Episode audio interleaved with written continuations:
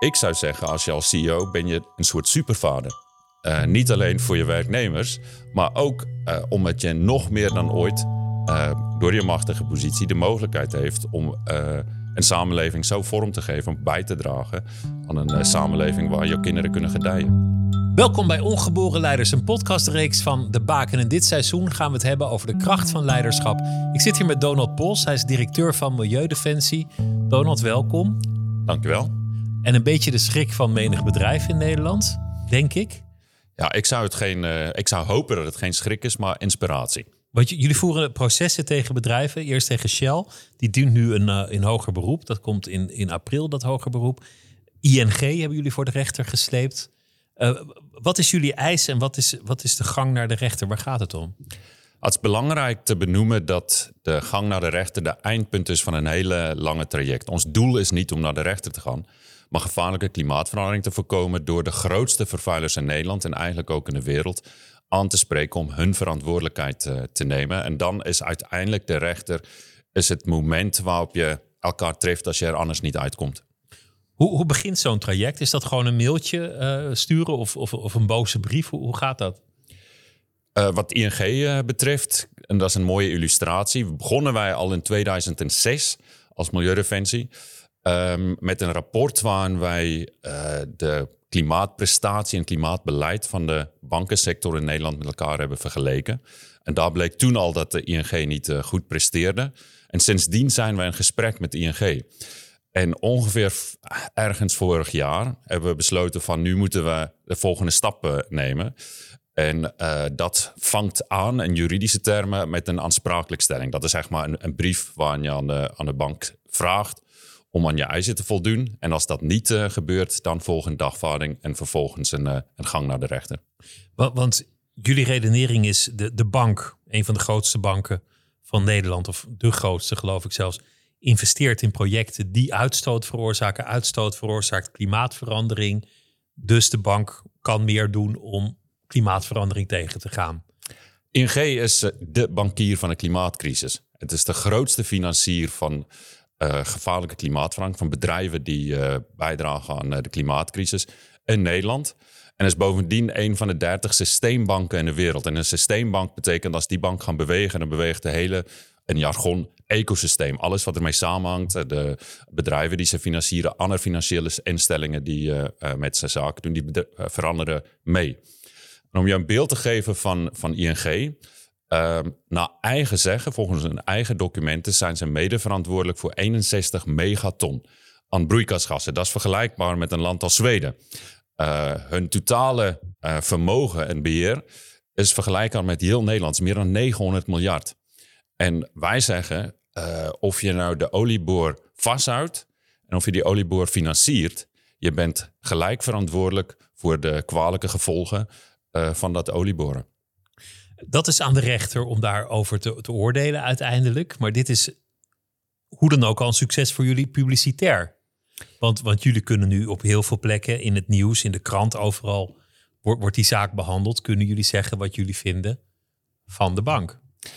Dat klopt en dat is, dat is niet alleen een leuke bonus. Maar een van de doelen van onze campagne is om draagvlak te creëren voor ambitieus uh, klimaatactie door grote bedrijven. En dat betekent dat je het gesprek met de samenleving uh, aangaat. Niet alleen met de bedrijven die uh, de klimaatcrisis veroorzaken, maar met de samenleving die met Milieudefensie ervoor moet zorgen dat grote uh, vervuilers en de overheid hun verantwoordelijkheid nemen. Je, je bent opgegroeid in, in Zuid-Afrika. Klopt. Daar ja. kom je vandaan. heel licht hoor je nog, nog het accent. Heeft jouw achtergrond iets te maken met jouw engagement voor, voor klimaat? Ja, ik ben nu 51. Zo, je moet altijd uitkijken als je zo lang gaat terugkijken. Uh, want uh, de, de, filter van de tijd, dat beïnvloedt natuurlijk hoe je naar je verleden kijkt. Maar ik, ik voel wel een, een hele sterke verantwoordelijkheid om bij te dragen aan een rechtvaardige samenleving. Mede omdat ik heb geprofiteerd van een hele, hele onrechtvaardige systeem. Ik heb de staartkant van een apartheid meegemaakt. Ik zat op een blanke, witte school. Uh, middelbare en basisschool. Uh, en dan, ja, als je geprofiteerd hebt van een systeem die mij bevoordeeld heeft, puur op basis van mijn huidskleur, dan heb, heb, ik in ieder geval het gevoel dat ik iets moet terugdoen voor de samenleving. Om te zorgen voor een meer, meer rechtvaardige en eerlijke, gelijkwaardige samenleving. Want je bent dus eigenlijk opgegroeid in een soort parallele realiteit. Een, een soort Truman Show, voor, voor wie die film nog kent. Uh, grootgebracht in een, in een sprookje, als het ware. En je hebt die bubbel zien barsten. Ja, en dat maakt, kijk, voor net, net als voor meeste mensen is mijn jeugd uh, uh, gevuld met mooie momenten. Uh, en mijn ouders hebben ervoor gezorgd dat ik een hele zorgenvrije jeugd had. Ik groeide op midden in de natuur. Heb ik een enorme passie en liefde voor, voor de wilde natuur. Um, en tegelijkertijd besef je dat juist dat zorgvrije is ten koste gegaan van, van heel veel mensen die een leven met zorg hadden. Uh, als gevolg van het politieke systeem. Dus het, betekent dat ik altijd wel een beetje ambivalente gevoelens heb ten, opzichte van mijn, van mijn zorgvrije jeugd. waar ik nu besef dat, dat die, dat die ja, eigenlijk ten koste is van andere mensen. En dus een soort wilsbesluit om nooit meer mee te werken aan een onrechtvaardig systeem. En om te zorgen dat je, dat je ja, aan de goede kant staat. Dat en, um, en het, het besef dat als, als je mij zou vragen wat is de, de basisdrijfveer voor, uh, voor mijn werk en, en uh, ook werk van, uh, van Milieudefensie is het democratiseren van de samenleving. Dat iedereen een gelijke inspraak heeft over waar onze samenleving naartoe gaat. En ik besef heel goed dat dat klinkt een beetje intellectueel en, en, en abstract. Maar je, democratie, maar dat is alleen abstract en intellectueel tot je dit niet meer hebt. Als je het kwijt bent, besef je ineens hoe waardevol persoonlijke vrijheid is. De vrijheid van associatie, de vrijheid van je meningen uh, vormen en dat mogen uiten. Um, en wat je ziet, is dat sinds min of meer 1970, met de globalisering, zijn grote multinationale bedrijven, en daar hoort de financiële sector ING uh, bij, maar ook Shell, zijn zo groot geworden dat ze zich eigenlijk buiten de samenleving hebben geplaatst. Uh, ieder jaar tijdens de uh, aandeelhoudersvergaderingen, seizoen, besluiten de aandeelhouders daar samen met de directie en het bestuur onze toekomst. Door de investeringen die zij daar afspreken, bepalen zij onze toekomst. Zij bepalen of, of mijn kinderen en jouw kinderen, en de kinderen van de luisteraars, of zij een toekomst hebben als zij kiezen voor investeren in vervuilende bedrijven of niet. En daar hebben wij geen inspraak in. Zij, zij besluiten over ons maar zonder ons. En daardoor op een bepaald manier ontkennen ze zelfs ons menswaardigheid. Want wij mogen niet meepraten, meebeslissen over onze toekomst. Dus dan is klimaatverandering iets van daders en slachtoffers. En, en iets van ongelijkheid. Je zou ook kunnen denken, klimaatverandering, dat hebben wij met z'n allen veroorzaakt. Toen we op vakantie gingen vliegen, toen we de auto pakten naar ons werk.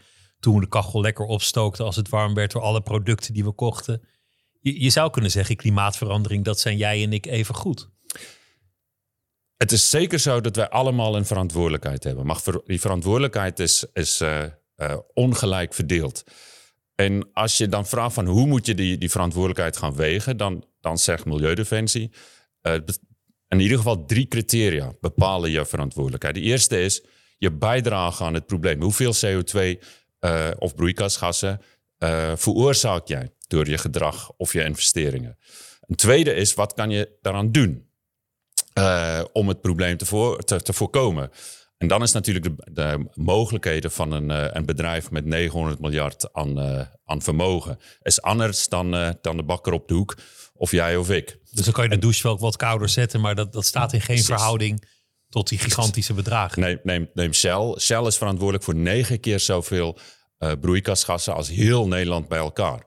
En het laatste is of je wist van het en weet van de, het probleem klimaatverandering en je rol uh, erin. Want je kan natuurlijk mensen niet verantwoordelijk houden als ze er niks van af weten. En als je die drie criteria neemt, dan kom je altijd bij de grote vervuilers. Grote bedrijven zoals Shell en ING.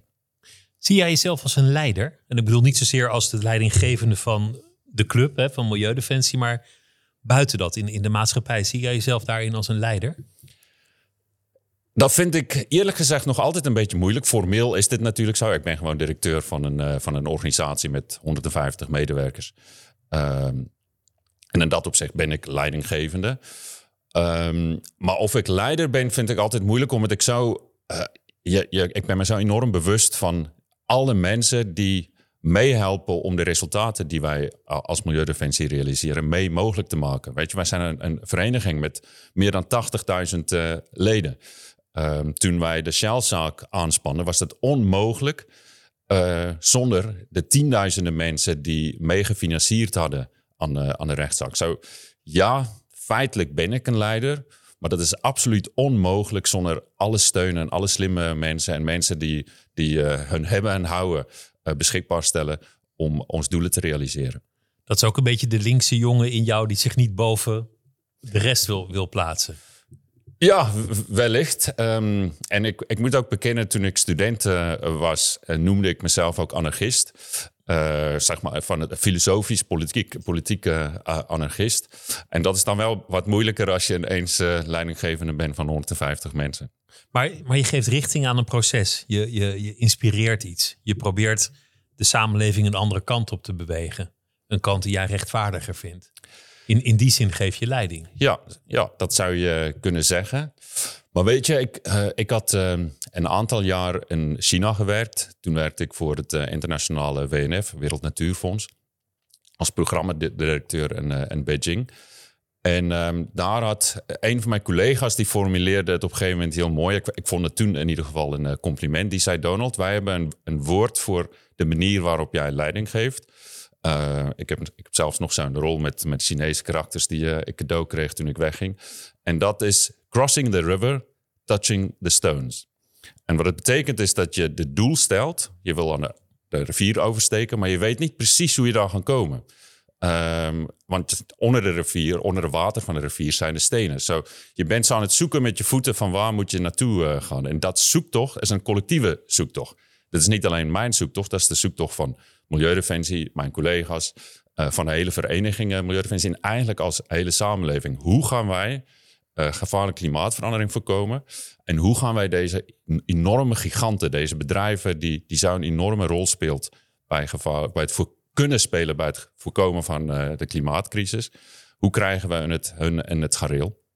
Want dit, dit is een van de grootste uitdagingen waar de mensheid in de moderne tijd voor gestaan heeft.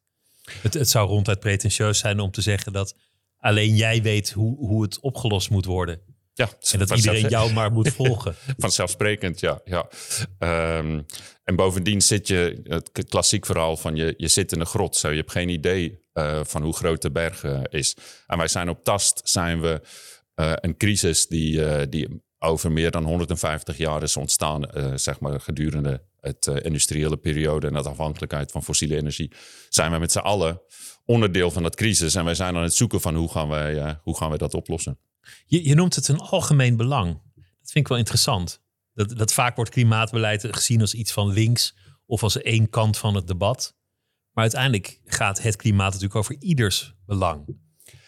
Ja, zeker. En daarom verbaast het mij ook als ik soms naar de politiek kijk en ik zie uh, uh, een, een, partij, een partijleider die zegt van ik wil klimaatbeleid door de shredder uh, doen. Dan, dan, denk ik, heb je, heb je geen kinderen? Uh, heb je geen gevoel voor, voor de toekomst? En ik, als ik, uh, ik laat mij heel erg inspireren door de uitspraak van de internationale vakbond. Uh, there are no jobs on a dead planet. Er is geen winst op een dode planeet. Zelfs al kom je uit het bedrijfsleven, een beetje meer aan de rechterkant van de, van de spectrum. Ook dan moet je beseffen dat er is geen, geen um, economie op een dode planeet. Wij moeten samen gevaarlijke klimaatverandering voorkomen, willen wij een toekomst hebben. Ik, ik hoorde de, de Duitse filosoof Peter Sloterdijk, die, die vaak met, met tegendraadse gedachten komt, die zei: We zijn te laat. We, we, hebben, we hebben het moment al gemist dat we er nog iets aan konden doen. Uh, gelukkig is hij filosoof en niet uh, klimaatwetenschapper. Want jij gelooft wel nog dat, dat een goed einde mogelijk is? Weet je, je, vraagt, je stelt nu eigenlijk een hele um, diepzinnige, grondige vraag. Ik vind dat wij de plicht tot optimisme hebben. Um, en dat is bij mij niet alleen maar een, dus een soort filosofische stelling of een levensinstelling. Weet je, bij mij is de glas altijd al vol.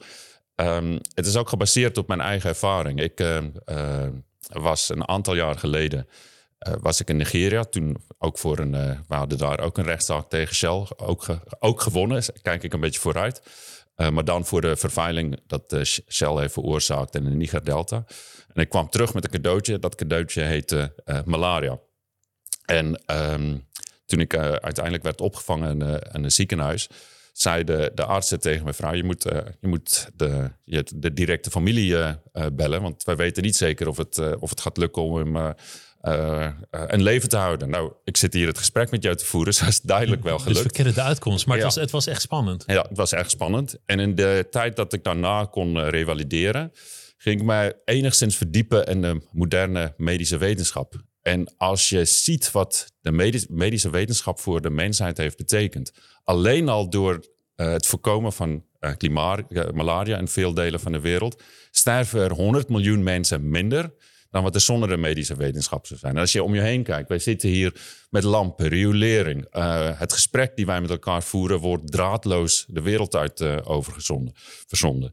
Het, het menselijke capaciteit om problemen op te lossen is zo gigantisch dat je niet anders kan dan om te geloven dat wij het klimaatprobleem ook kunnen adresseren. We moeten het wel adresseren, we moeten het wel oplossen.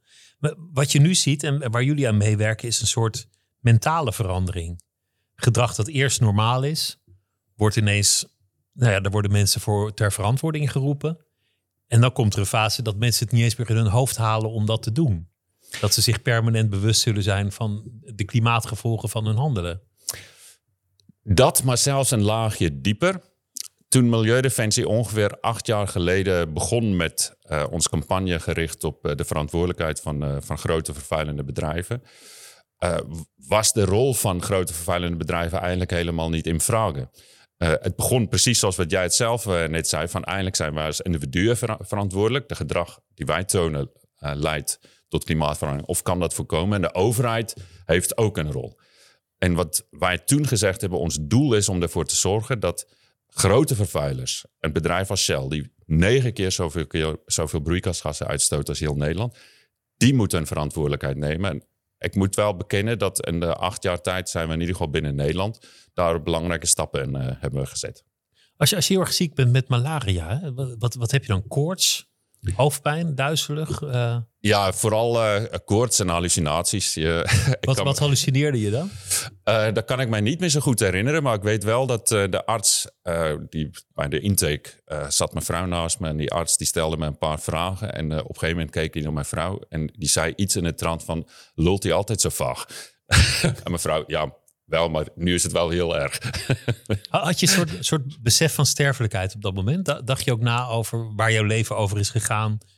Over misschien zelfs een soort evaluatie van tevredenheid. Als op dat moment je einde wel was gekomen? Speelde dat een rol? Ja, um, ik moet bekennen dat ik was ook flink onder de, de morfine. Uh, want het ook gewoon pijnlijk. Uh, zo, uh, door, de, door, de, door de drugs denk je niet zoveel na. Maar wel na afloop, de, wat ik zei, na de revalidatie, dan ben je uh, enorm bewust van de fragiliteit van het leven. Uh, weet je, dan zie je mijn drie kinderen zie je om de bed staan. Je denkt van, dat had ook wel de laatste kunnen zijn. Uh, en niet zozeer voor mij, want als je weg bent, ben je weg. Maar uh, dat, dat de waarde die, die ik voor hun heb en hoe belangrijk het is dat ik er voor hun zijn. Weet je, je moet je voorstellen dat je als kind uh, je vader op, zijn, op je derde kwijtraakt, mijn jongste. Op dat, uh, dat moment. Dat, dat, uh, dat is traumatisch en dat is misschien ook wel een, belangrijk voor het werk dat ik nu doe. Ik, ik ben enorm bevoorrecht met mijn collega's.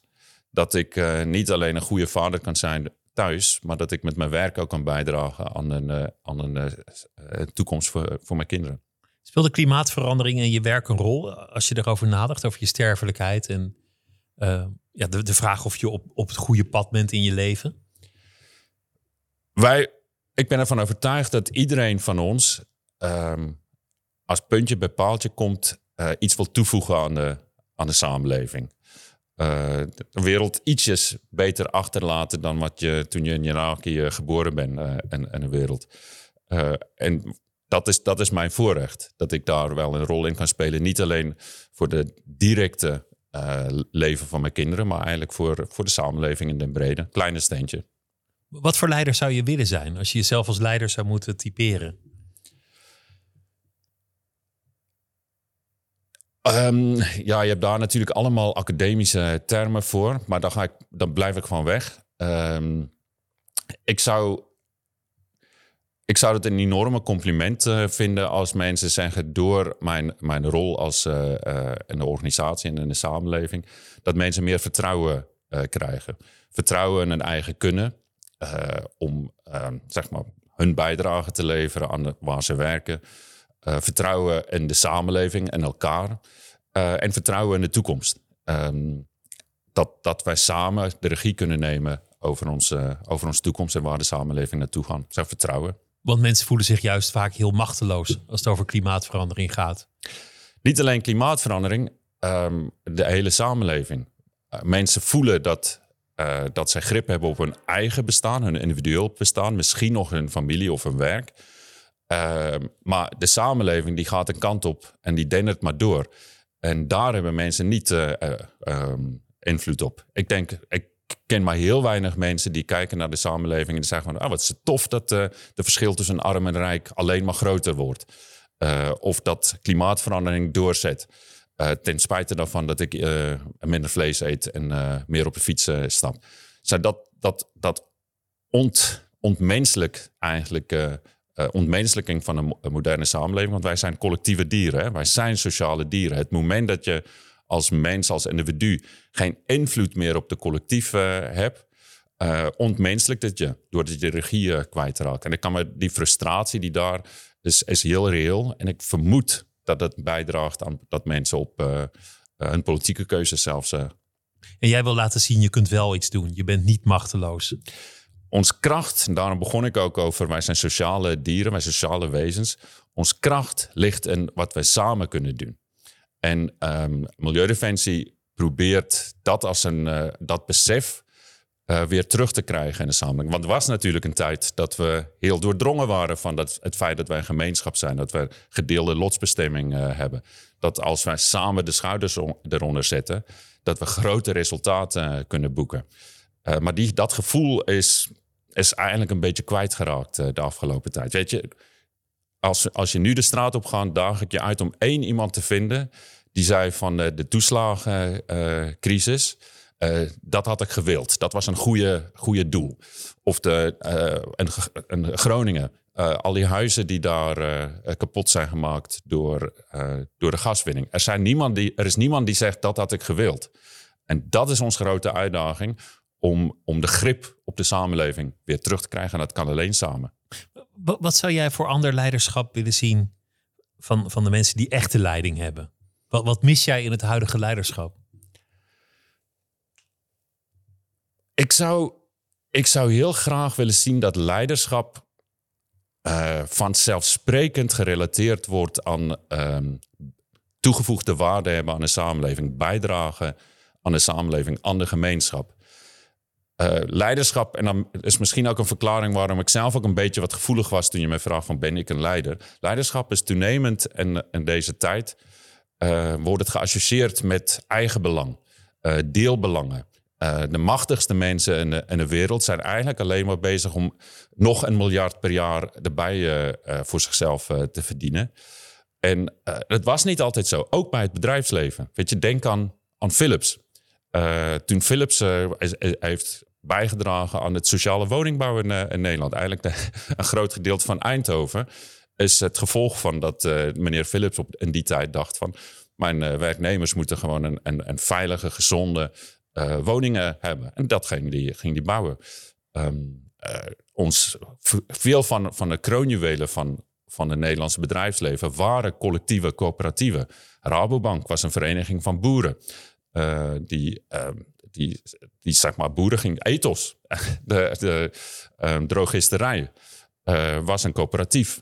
Er was een tijd dat bedrijven en, en, en leiders van bedrijven het als deel van hun verantwoordelijkheid zagen om bij te dragen aan de samenleving. En nu, nu zien datzelfde mensen, uh, zeg, weet je, Milton Friedman, de, de grote filosoof van het nieuw liberalisme, die zei: uh, The only business of business is business alle maatschappelijke belang, alle toegevoegde waarde, dat, is, dat, dat hoort niet bij een. Uh, of toegevoegde waarde is puur financiële toegevoegde waarde voor je aandeelhouders. En zelfs onze premier, of uh, uh, zeg maar misschien binnenkort voormalige premier Rutte, die heeft politiek zo gedefinieerd dat succes in de politiek is.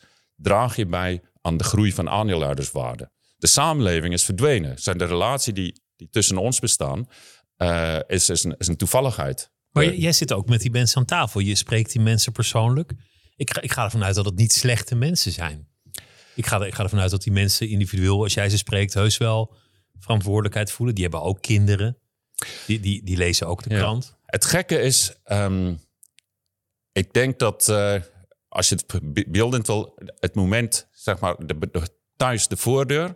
Als de voordeur open gaat, je gaat naar binnen, ben je vader. En zit de deur dicht doen als je naar je werk gaat, dan word je CEO. Dan draag je een andere verantwoordelijkheid. Dan draag je een andere verantwoordelijkheid. Terwijl ik zou zeggen, als je als CEO ben je een soort supervader. Uh, niet alleen voor je werknemers, maar ook uh, omdat je nog meer dan ooit uh, door je machtige positie de mogelijkheid heeft om een samenleving zo vorm te geven, om bij te dragen aan een samenleving waar je kinderen kunnen gedijen. Dus wat jij van leiderschap zou willen, is dat ze meer geworteld zijn in de samenleving en het algemeen belang ja. ten alle tijden in, in zicht hebben.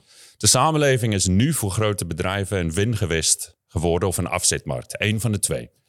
En de samenleving zou moeten zijn iets waar we allemaal kunnen gedijen, omdat de voordeel van de een ook de voorwaarde is voor de voordeel van een ander. Zie jij nu niet toch dat het ook wel aan het veranderen is? Weliswaar ongetwijfeld te langzaam, maar dat het hele bewustzijn over klimaat wel degelijk om zich heen grijpt. Ik sprak uh, een tijd geleden een, um, iemand met, uh, met veel positie in de samenleving die vertelde: Ja, ik ga altijd naar, uh, naar Frankrijk voor mijn vakantie. En daar zie je de klimaatverandering met de kwaliteit van de wijn die gaat, gaat achteruit. En ik denk inderdaad dat de gevolgen van klimaatverandering zijn nu zo, zo zichtbaar dat toenemend is dat geen model meer, geen toekomstscenario. Mensen hebben het gewoon allemaal door. Of je naar de, kwaliteit van je wijn zien achteruit gaan, omdat de, de temperatuur en het weer uh, verandert. Of omdat je niet meer op skivakantie gaat of veel verder moet reizen voor, uh, voor je skivakantie. Uh, of omdat je in Limburg woont en je huis overstroomt. Klimaatverandering is inderdaad niet meer links of rechts, het is van, van iedereen. Dus mensen worden zich er wel degelijk bewust ja. van en ze zien het ook. Maar je, je ziet ook dat, dat gedrag anders wordt geëvalueerd. Je schept niet meer zo graag op over een vliegvakantie. Gelukkig maar, zou, uh, zou ik zeggen, inderdaad. Maar het, wat de risico is, dat wij ons verantwoordelijkheid gaan individualiseren. En het is een systeemprobleem. Wij zijn, uh, de hele samenleving is daarvoor verantwoordelijk. En binnen de samenleving is de verantwoordelijkheid ongelijk verdeeld. Zo, je moet die bewustwording van het feit dat klimaatverandering plaatsvindt en dat de mens daar een, eh, een belangrijke rol in speelt, moet je vertalen naar de grootste vervuilers. En niet klein maken, want dan uh, versterk je alleen maar het gevoel van uh, gebrek aan grip op de ontwikkeling. Want eerlijk is eerlijk, jouw en mijn bijdrage aan gevaarlijke klimaatverandering valt in het niets ten opzichte van de bijdrage van Shell, die, zoals gezegd, negen keer zoveel broeikasgas veroorzaken als heel Nederland bij elkaar. Zo alle 17, 18, hoeveel mensen zijn er nu uh, in, in, Nederland? Alle woningen, alle fabrieken, alle auto's bij elkaar. Daar moeten we ons op richten. En de klappen van de klimaatverandering komen ook niet gelijkmatig over de mensheid terecht. Dus er zijn groepen die het al heel slecht hebben, die onmetelijk veel meer schade van klimaatverandering hebben al en zullen krijgen dan anderen. Ja, wat ik denk wat de, de belangrijkste bijdrage van Milieudefensie aan het uh, debat over klimaatverandering is dat wij zeggen: klimaat is een verdelingsvraagstuk. Uh, en op heel veel aspecten. Het begint bij wat jij nu benoemt, uh, de consequenties, de gevolgen van klimaatverandering. Die valt het zwaarst bij mensen die het minste hebben bijgedragen aan klimaatverandering. Het begint in, in ontwikkelingslanden, Afrika, Azië, Latijns-Amerika. Mensen die een precaire, gevoelige temperatuurzones wonen, waar het toch al droog is of, of heel nat. En waar klimaatwijzigingen uh, en het klimaat uh, grote consequenties hebben. Of zich niet kunnen aanpassen. Dat ze niet genoeg geld hebben om een huis te, op, op een hogere, op, uh, zeg maar hoger te bouwen. Of een airco te kopen. Dat type, type zaken. Of voedsel te laten importeren. Maar het is ook een verdelingsvraagstuk. En hoe gaan we de beschikbare CO2 die nog over is met elkaar verdelen? Weet je, we hebben een budget zogenaamd voor CO2. Waarom zou uh, iemand in, in, een villa in Wassenaar meer recht hebben op het uitstoot van CO2 dan iemand die één hoog um, en een, en een Volkswijk woont? maar ook het verdelen van subsidies. het is natuurlijk eigenlijk heel gek als je gaat denken, dus subsidies om het probleem te gaan oplossen. Waarom mag de ene duizenden, soms tienduizenden euro's subsidie krijgen om zijn huis te isoleren, of zonnepanelen op zijn dak te zetten of een, een, een elektrische auto te kopen, en de andere niet? Of de ander heeft gewoon geen huis. Ja, of, die, ja, of in sommige gevallen heeft geen huis. Ja. Dus de Milieudefensie zegt, wij pleiten voor klimaatrechtvaardigheid. En voor ons is klimaatrechtvaardigheid twee dingen. Het eerste is de breedste schouders met de meeste CO2 moeten ook de zwaarste lasten dragen. En ten tweede, iedereen moet mee kunnen doen aan al het moois dat uh, de energietransitie uh, te bieden heeft. Komt er een moment dat je tevreden bent? Dat je zult omkijken en zeggen: het is gelukt? Um, mijn rol is natuurlijk uh, beperkt tot wat, wat, wat een mens als individu ehm, in zijn rol als directeur van Milieudefensie kan, kan bereiken. Ik denk dat wij als samenleving een enorme stap uh, hebben gezet als uh, grote multinationale bedrijven gewoon onderdeel is van de rechtsstaat. Dat zij zich moeten houden aan de afspraken die wij met elkaar maken en dat het op een gelijke mate voor hun uh, geldt. Dan, ben, dan zou ik tevreden zijn. Dus als de regering een akkoord tekent, in Parijs bijvoorbeeld, dat dat dan ook geldt voor grote bedrijven. Precies. Dat die zich daar ook aan moeten houden. Ja. Want wat je nu ziet, is, en of dat nou Shell is of ING, de eerste reactie van een bedrijf op een rechtszaak van, uh, van Milieudefensie of een eis van Milieudefensie is: ja, die afspraken, de internationale klimaatafspraken, die onder andere in Parijs zijn gemaakt, die zijn door overheden gemaakt. Die gelden niet voor ons. Wij hebben die getekend. Wij hebben er niet getekend. Maar als je dat gaat doordenken, is het natuurlijk te gek voor woorden. Uh, dat is getekend door regeringsleiders. Zij vertegenwoordigen ons allemaal. Zou welke gek gaat denken dat die afspraken die overheden hebben gemaakt, die geldt niet voor mij. Dat is, dat is een, een, recept voor chaos. Nou, nou, nou, zijn er, dat noemde je al, hele continenten. Je, je geboortecontinent Afrika, waar ze denken, ja, wij hebben dit probleem niet veroorzaakt. Jullie gaan ons nu niet vertellen dat wij ons gedrag moeten veranderen. En wij zitten in de lift en wij willen economische groei. En er is natuurlijk niemand die dat tegenover ze echt kan ontkennen, dat het zo zit. En dat is gewoon ook waar. Maar om het iets kleiner te maken, het geldt ook uh, in Nederland als uh, mensen die een laag of een, uh, een middeninkomen hebben, die zeggen ook van ik heb die crisis niet veroorzaakt. Weet je, ik kom amper uh, rond aan het einde van de maand. En Milieudefensie heeft dat en dus ben ik, waarom moet ik alle lasten dragen om het klimaatprobleem op te lossen? En wij hebben dat ook onderzocht als Milieudefensie. Dat blijkt dat um, uh, mensen met een lagere inkomen betalen drie tot vier keer meer energiebelasting. Dat is een belasting dat bedoeld is als prikkel om minder uh, uh, energie te gebruiken en dus minder bij te dragen aan klimaatverandering. Mensen met weinig CO2 betalen dus het meest. Um, en dat heeft ervoor gezorgd dat rijke mensen, die tien keer meer CO2 uitstoten dan arme mensen, hebben sinds de tekening van het internationaal klimaatakkoord van Kyoto in 92, hebben zij hun CO2 gereduceerd met ongeveer 13 procent, min of meer. Arme mensen, de onderste helft van Nederland, uh, die hebben hun CO2 gereduceerd met 40 procent. Zijn de mensen die het minst aan het probleem bijdragen, hebben het meest gedaan om het probleem op te lossen. Terwijl de mensen die het uh, meest aan het probleem uitdragen, die rijden uh, een prachtige Tesla's rond, gesubsidieerd door de overheid. Dus daarom zeg je dat je eigenlijk voor de tweede keer in je leven erachter komt dat je deel uitmaakt van een onrechtvaardig systeem en behoort tot een kleine bevoorrechte elite die profiteert van anderen. Dat klopt. En de bisschop uh, Tutu, uh, de hele bekende uh, geestelijke uit Zuid-Afrika, een belangrijke rol gespeeld in de strijd tegen apartheid, die noemde klimaatverandering ook mondiale apartheid. precies om die reden dat een kleine groep die profiteert van een probleem waar de kosten ligt bij, bij de grootste deel van de bevolking, die toevallig over het algemeen ook donkere, donkere mensen zijn. Um, en uh, en de, deze kleine groep weigert ook om zijn verantwoordelijkheid te nemen. Nou, nou, nou vraagt klimaatverandering eigenlijk dat we allemaal totaal uit ons comfort komen. Dat, dat, we, dat we een andere manier van leven misschien gaan aanmeten, een andere manier van produceren, consumeren. Heel veel verandering. En als mensen nou ergens niet van houden, is het verandering over het algemeen. Wat, wat, wat vraagt het eigenlijk van, van de mens om die verandering door te voeren?